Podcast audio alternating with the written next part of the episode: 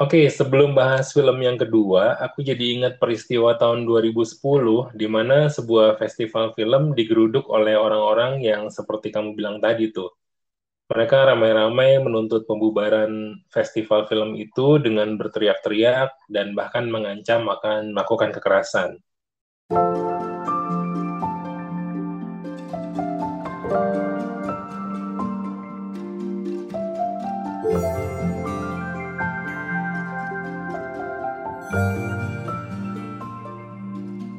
Selamat datang di podcast Mata Mata Kata bersama saya Danang dan saya Kimi. Buat kamu yang baru pertama kali mendengarkan podcast ini, Mata Mata Kata adalah podcast yang membahas tentang dunia literasi, film, dan seni pertunjukan lainnya.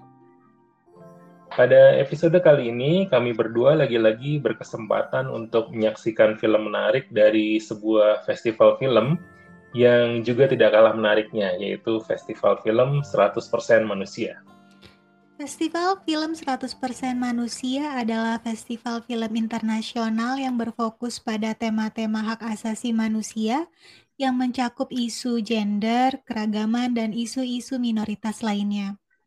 Salah satu tujuan dari festival film ini adalah untuk merawat keberagaman yang sebenarnya menjadi dasar dan selalu dirayakan di Indonesia.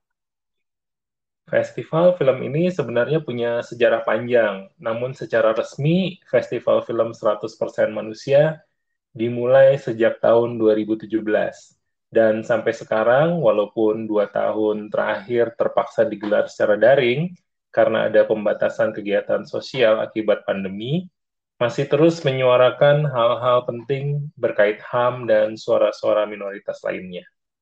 Film yang kami bahas pada kesempatan ini adalah kumpulan film pendek karya sinias lokal yang dikurasi dan dijadikan satu paket dengan judul 100% Local Flavors. Sebenarnya apa sih yang membuat kita memilih kumpulan film pendek ini, Mas? Ya, sebenarnya secara umum film pendek sendiri amatlah menarik ya. Mm-hmm. Di Academy of Motion Picture Arts and Science sendiri mendefinisikan film pendek sebagai sebuah film yang durasinya tidak lebih dari 40 menit, termasuk kredit di akhir atau awal film. Jadi dalam sebuah film pendek, sineas diberi waktu yang sangat terbatas untuk bisa menyampaikan pesan kepada para penonton. Itulah yang membuat film ini harus to the point, tanpa menghilangkan latar sebagai pembangun jalan cerita. Beberapa sineas juga memilih membawakan kiasan dalam filmnya agar pesan yang ingin disampaikan bisa tergambar dengan baik. Khusus tentang film-film pendek yang dikurasi dalam 100% local flavors ini, menurutku jauh lebih menarik lagi, karena kalau kita lihat, banyak hal yang dilakukan secara sederhana, namun bisa menyampaikan pesan besar di baliknya. Selain itu, 100% local flavors setiap tahunnya menurutku bisa menjadi semacam barometer tentang sejauh mana sineas-sineas lokal memaknai arti HAM, keragaman, dan isu-isu minoritas lainnya. Nah, menurut kamu gimana setelah nonton film-film pendek ini? Apa yang kamu tangkap dari film pertama? Uh, seru sih mas nonton film-film pendeknya yang ada di sini. Dan untuk film pertama ya, judulnya adalah Gulam yang disutradarai oleh Nasiru Setiawan, rilisnya tahun 2021 film ini menurutku sukses untuk menyindir ya, terutama menyindir fenomena belakangan di mana kaum yang merasa paling agamis melarang-larang orang lain untuk sesuatu yang sebenarnya mereka itu tidak paham. Kalau yang ditunjukkan di film ini, uh, si Gulam mengadakan acara komunitas uh, nonton film bareng, tetapi ada kaum agamis atau holier than thou merasa acara nonton film bareng ini, bareng ini harus dibatalkan hanya karena poster atau judul filmnya tuh dianggap tidak senonoh oleh mereka. Padahal Gulam itu sudah mengantongi izin dan filmnya itu sudah lulus sensor. Itu yang aneh sih ya menurut aku mereka yang suka hmm. ya itulah holier dan do-nya itu melarang-larang orang lain hmm. gitu kan. Di sini juga ada bagian menurut aku menarik nih Mas. Jadi adegannya itu Sewaktu akhirnya setelah mereka melalui perdebatan panjang, akhirnya bapak-bapak agamis itu ikut nonton untuk melihat benar nggak nih filmnya ini layak tonton atau tidak layak ditonton gitu. Jadi ketika mereka sedang nonton bareng, ada adegan di mana orang-orang di sekitarnya itu tiba-tiba mencium bau tidak enak. Ternyata baunya itu adalah bau pup kucing yang di mana salah satu bapak-bapak agamis itu menginjak pup kucing. Seolah-olah adegan itu ingin menunjukkan atau memberi pesan kalau orang-orang yang sibuk menuding orang lain itu dosa atau salah, nyatanya mereka sendiri pun dalam tanda kutip berbau. Bahwa mereka itu tidak sesuci yang mereka bayangkan. Makanya kan di situ kayak itu istilahnya adegan apa itu ya Mas ya? Aku lupa deh istilahnya itu. Iya, kayak ada kiasan gitu kan uh, kayak tadi aku. Betul betul. Uh, itu sih uh, kesan aku di film pertama. Kalau di film kedua gimana menurut Mas Danang? Oke, sebelum bahas film yang kedua, aku jadi ingat peristiwa tahun 2010 di mana sebuah festival film digeruduk oleh orang-orang yang seperti kamu bilang tadi tuh. Mereka ramai-ramai menuntut pembubaran festival film itu dengan berteriak-teriak dan bahkan mengancam akan melakukan kekerasan. Nah, film kedua judulnya Bibir Merah Siapa Yang Punya, karya Pawadi Jihad yang rilis tahun 2021 juga. Menurutku film pendek yang satu ini juga sangat menarik. Karena dalam 17 menit, penonton diajak untuk melihat sebuah kenyataan, sebuah perjalanan panjang perjuangan kelompok minoritas, yang bukan hanya didiskriminasi, tapi juga dimanfaatkan oleh orang-orang yang tidak bertanggung jawab. Selain itu juga diperlihatkan bahkan berkali-kali bagaimana banyak orang memandang gender itu hanya A atau B. Jadi harus pilih.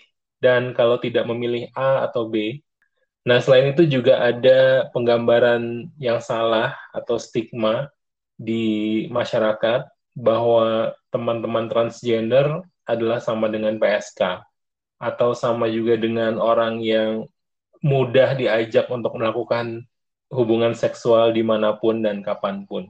Gimana menurut kamu? Iya, menurutku itu sedih sekali ya.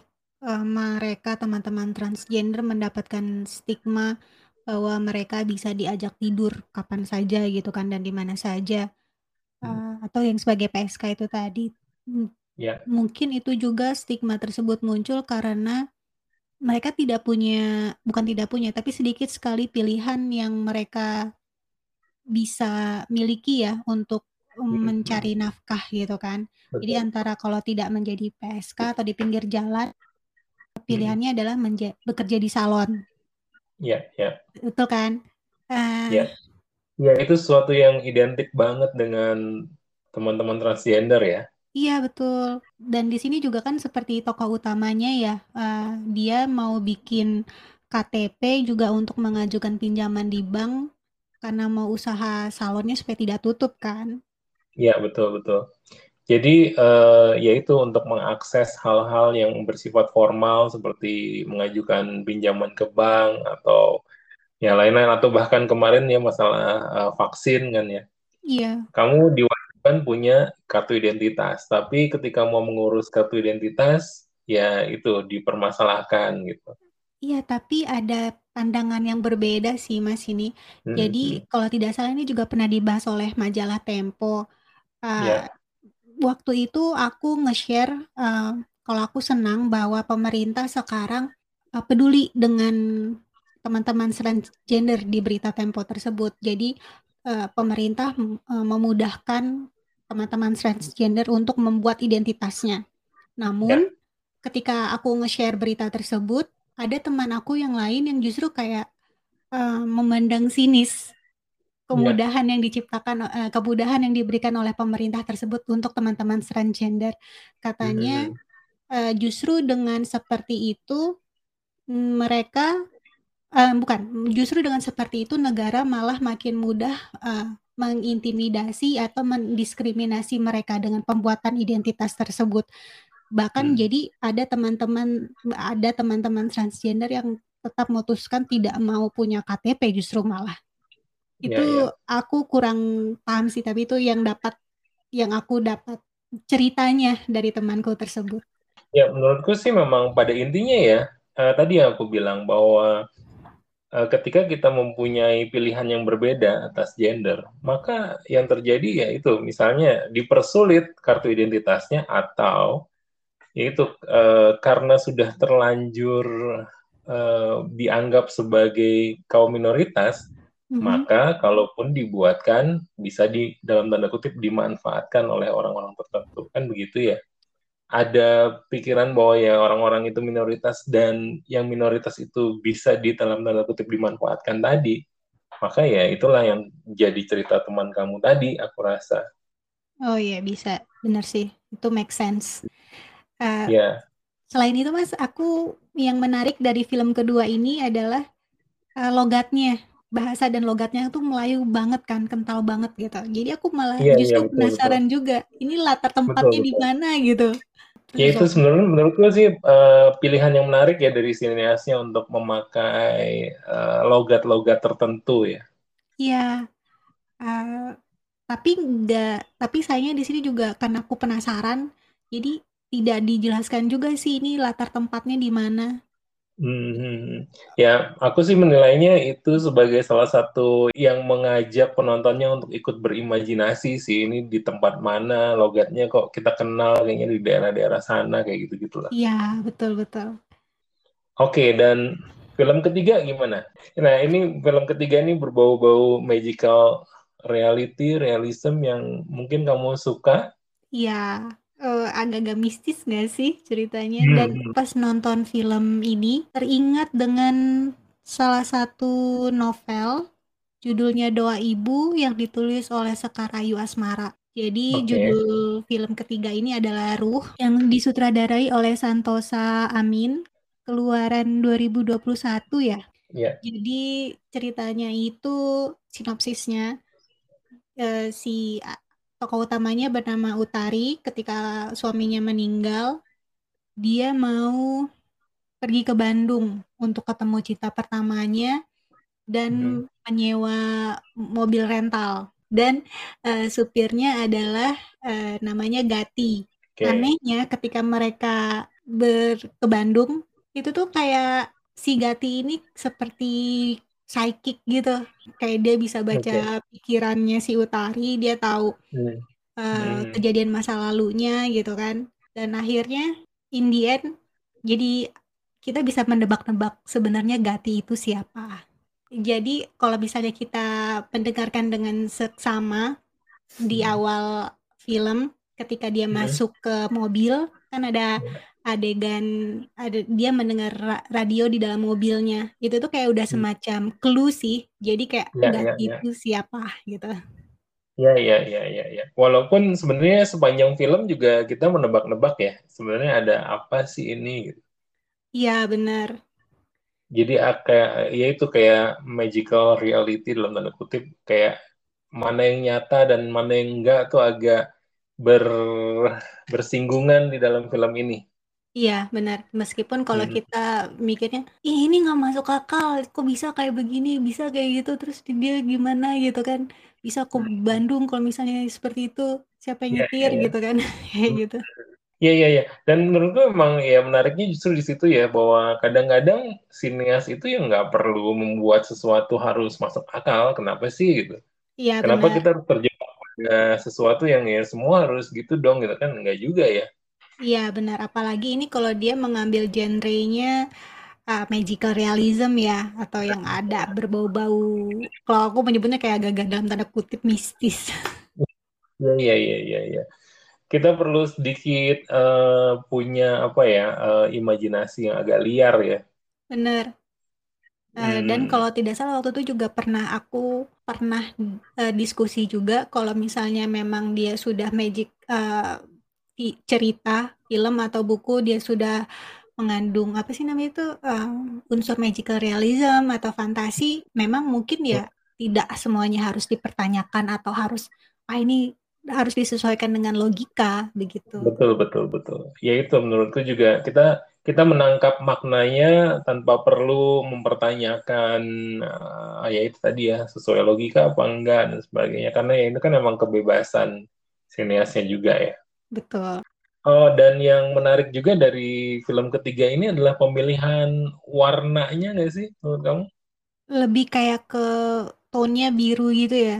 Nah, betul, betul, betul. Nah, mungkin ini juga yang menjadi penanda bahwa film ini ya aku sih melihatnya ya sebagai sebuah lagi-lagi kiasan. Lo kan hmm. nggak nyata, apa bukan sesuatu yang nyata kalau semua kok terlihat biru sih kayak gitu loh. Nah, jadi yeah. justru dari awal banget udah dikasih tahu bahwa jangan pakai logikamu terlalu apa ketat dalam dalam nonton film ini. Kayaknya gitu deh. Oh iya, aku jadi ingat uh, diskusi kita waktu itu ketika kita membahas serial Ozark. Uh, Mas Danang memberikan ilmu baru buat aku kalau uh, Ozark itu kan menggunakan tone senada lah ya biru atau yeah, yeah, yeah. seperti itu yang Mas Danang bilang kalau tone biru itu semacam suasana yang misterius. Betul betul betul. Iya. Ya itu juga sih makanya jadi aku sejak awal udah melihat film ini dari tone-nya yang dalam tanda kutip tidak normal, maka ya sudah hmm. jangan gunakan logika terlalu ketat ya untuk menonton ini dan mempertanyakan banyak hal. Iya benar, sepakat dengan Mas Danang. Uh, kita lanjut ke film berikutnya, Mas. Yang film keempat film tentang apa? Itu juga menarik ya, judulnya Riwayat Ceti. Hmm, entah Ceti atau Ceti ya. Hmm. Uh, ini film dirilis tahun 2021 dan disutradarai oleh Azalia Muhransyah. Nah, menurutku sih film ini sebuah penggambaran kata-kata sialmu adalah keuntunganku atau penderitaanmu adalah rezekiku. Kayak gitu nggak sih? Oh iya iya benar-benar benar. setuju setuju dengan seperti itu. Dengan... Ya, jadi kayak ketika ada orang yang menderita, maka di baliknya sebenarnya ada orang yang untung atas penderitaan itu kayak gitu. Terus di film ini juga menurutku ada penggambaran tentang bagaimana dampak corona terhadap perekonomian masyarakat ya. Iya. Dan tidak ketinggalan juga membahas fenomena yang belakangan juga marak yaitu tentang bunga pinjol. Betul. Yeah. Itu menggambarkan realita kita di mana sepertinya makin lama makin banyak yang terjerat dengan pinjol ya, Mas. Jadi kayak ada kemudahan yang ditawarkan, lalu dari kemudahan itu lalu ya itu tadi ada jebakannya, ya nggak sih? Iya, betul. Seperti kalau di contoh ini pinjamannya cuma kalau tidak salah 6 juta ya. Iya. Tapi bunganya sendiri 7 juta. Jadi total yang harus ya. dibayar 12 juta. Itu ada di, di, di apa digambarkan tidak masuk uh, logikanya si Ceti atau si Ceti ini ya. Iya benar. Dan tapi juga ada yang menarik penggambarannya bahwa ya tadi itu yang aku bilang ya di awal bahwa ketika ada orang yang sial, ketika ada orang yang menderita, di sisi lain ada orang yang untung karena yaitu ada orang yang punya mata pencarian sebagai debt collector misalnya. Mm Ya dan di film ini sendiri kan juga digambarkan ya eh, pertentangan dalam tanda kutip moral yang kamu bilang tadi. Mm. Uh, apa ada pertentangan moral ya harus ditagih dong kan dia ngutang gitu. Sementara di sisi lain iya ngutangnya kan cuma segitu masa bunganya lebih tinggi dari utangnya ya kayak gitu kan ya. Ya, dan aku juga melihatnya dan menariknya ini ya, ini sisinya tuh kayak bertolak belakang kayak si Ceti atau Ceti ya mer tidak tega karena punya utang segitu tapi kok bunganya gede banget dan kita harus menagih secara kasar atau bagaimana gitu kan. Tapi hmm. si cetinya sendiri kan hidupnya kesusahan. Ya, gitu. Ya.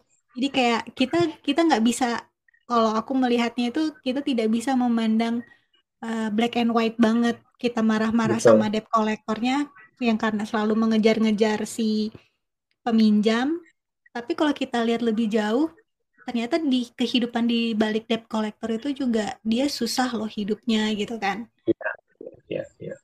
Dan ya mau dikata apa bahwa itu juga mata pencarian kan. Betul. Jadi ya jadi mungkin film ini pesan moralnya adalah kita nggak bisa uh, memandang yang tadi tuh uh, secara hitam dan putih bahwa si debt collector itu 100% salah misalnya atau si peminjam juga 100% salah gitu kan. Ya, ya betul dan memang film ini menariknya di situ ya ada pertentangan uh, ya moral tadi ya. Oke, uh, gimana dengan film terakhir, film kelima ini juga menurutku sih menarik banget. Gimana menurut kamu? Film kelima judulnya These Colors Don't Run, disutradarai oleh Diviskal Satrian Tama, tahun 2022, durasinya 15 menit. Jadi sinopsisnya remaja ya, eh, anak SMA, Joni, dia pulang ke rumah dalam keadaan babak belur, dihajar mungkin atau dibully sama teman-temannya. Yeah. Iya. Bapaknya melihat dia langsung bilang ya kamu lawan dong, jangan diem aja gitu kan. Malah dia hmm. mengajar seperti itu. Ya, di satu sisi aku setuju sih kalau ada pembuli kita harus lawan gitu kan, kita nggak bisa diem aja gitu. Tapi pas besoknya ternyata si Joni masih dibully dan dia nggak nggak nggak berani melawan. Terus hmm. bapaknya malah lebih marah sama anaknya dan singkat cerita orang tuanya berantem karena si ibu merasa bahwa bapaknya terlalu keras mendidik anak sementara si bapak merasa bahwa ibu terlalu lembek mendidik anak gitu. Ya. Yeah. Jadi justru di situ aku melihat si Joni ini bully sesungguhnya adalah ayahnya sendiri kalau menurut aku hmm. sih. Gimana kalau menurut Mas Danang? Aku melihat film ini dari judulnya ya These Colors Don't Run ini menurutku ya adalah didikan yang turun menurun sama aja jadi nggak luntur terus. Bapaknya kan rupanya juga adalah korban kekerasan sebelumnya orang tuanya lalu mm -hmm. si bapak itu juga ke anaknya. Makanya terus aku merasa judul ini ingin menggambarkan itu bahwa nggak luntur-luntur nih yang namanya kekerasan gitu. Diajarkan dari satu generasi ke generasi lain. Lalu yang menarik di akhir film ada ada adegan yang yang sangat mengagetkan ya dan ya eh, kita nggak buka di sini mm-hmm. biar para pendengar menonton sendiri dan uh, menilai film itu bagaimana. Karena menurutku di endingnya itu adegannya sangat menarik sih. Iya, ternyata plot twistnya di situ. Buat yang penasaran bisa langsung nonton filmnya. Ini sampai kapan Mas? Takut mereka ketinggalan Oke, festival film ini dilaksanakan di Jakarta tanggal 28 Oktober sampai 6 November dan di Jogja tanggal 9 sampai 12 November. Dan kita bisa nonton filmnya secara daring di festivalscope.com ya. Iya, betul. Dan Hai. juga uh, secara luring di banyak tempat ya, baik di Jakarta maupun di Jogja. Dari lima film yang kita tonton tadi, mm -hmm mana film yang menurut kamu paling um, membekas di di kamu? Uh, yang terakhir sih, hmm. These Colors Don't Run. Um, Oke. Okay. Karena aku terpesona dengan aktingnya, akting bapaknya, nah. dan terutama ketika uh. akting berantem, dengan okay. dengan uh, bapak dan ibunya berantem di situ uh, keren di situ. Kenapa aku, ada apa di situ? Uh, aktingnya sangat apa ya, sangat sangat sangat sangat keren menurut aku. Seperti Sangat beneran nyata orang gitu. berantem. Kenapa? Sangat seperti kejadian nyata, Iya, betul. sangat natural. Iya, sangat natural, betul betul, sangat natural. Dan berantemnya, marahnya bener-bener marah, aktingnya bener-bener bagus sih. Jadi aku lebih suka di yang Discovers Don't Run. Oke. Kalau Mas Danang suka yang mana? Paling membekas? Hmm, Aku menurutku yang paling membekas adalah film kedua Bibir Merah Siapa Yang Punya. Hmm. Uh, karena aku sering sekali membaca berita tentang kesulitan teman-teman transgender. Mm-hmm. Tapi film ini kemudian benar-benar bisa me- me- memvisualisasikan hal itu sampai membuat uh, aku waktu menontonnya aduh iya juga. Maksudnya oh iya seperti itulah kesulitannya. Bukan hanya sulit tapi juga dimanfaatkan oleh orang lain lagi. Kayak gitu sih. Oh iya benar-benar mungkin kita tutup sampai di sini pembicaraan kita tentang film ini. Oke. Okay. okay. Terima kasih buat kalian yang sudah mendengarkan. Jangan lupa untuk membagikan podcast Mata-Mata Kata dan ikuti akun media sosial Mata-Mata Kata di Twitter, at podcast Mata Kata, dan di Instagram at Mata-Mata Kata. Kalian bisa juga berdiskusi dengan kami melalui email di podcastmatamatakata at gmail.com. Sampai jumpa di episode Mata-Mata Kata selanjutnya.